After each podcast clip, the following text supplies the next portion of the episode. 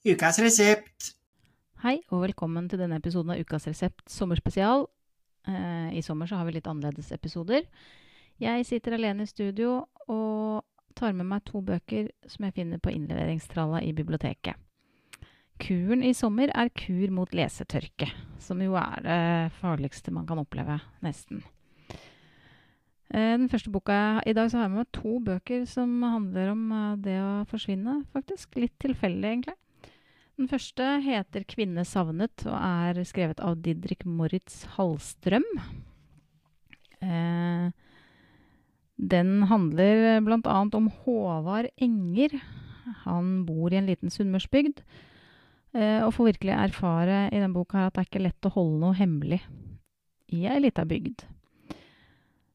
Håvard eh, lever et stille liv som dørvakt på den eneste lokale puben.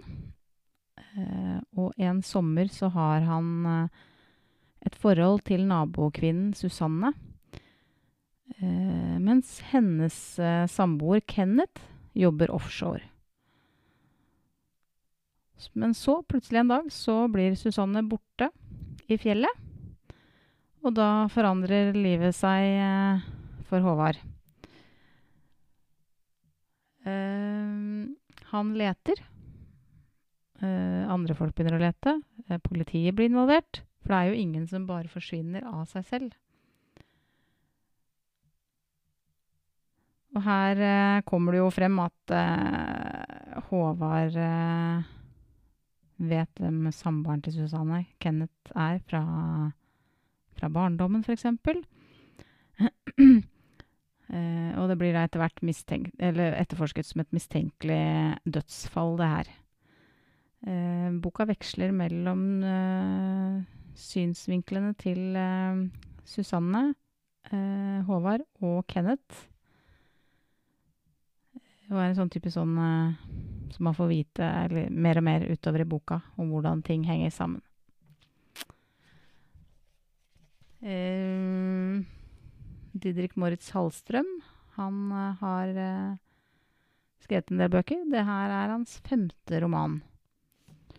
Kom i år, faktisk. 2023. Nei, kom i fjor, tror jeg, men vi fikk den i år. Uh, den neste boka, den er uh, egentlig litt verre, fordi det er på en måte veldig mye mer uh, realistisk. Um, den heter 'Arkiv over bortkomne barn'. Er skrevet av Valeria Luiselli. Valeria. Eh, det handler Her er det liksom to historier som flettes sammen. Det handler om eh, en familie i New York som eh, pakker bilen og drar på langtur. De skal til sørstatenes ørken. Volvoen er stappfull av intellektuell litteratur. Og de voksne er ikke sånn veldig koselige folk. Rett og slett.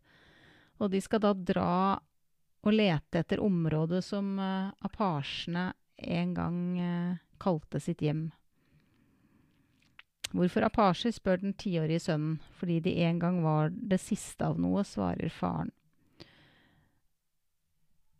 Uh,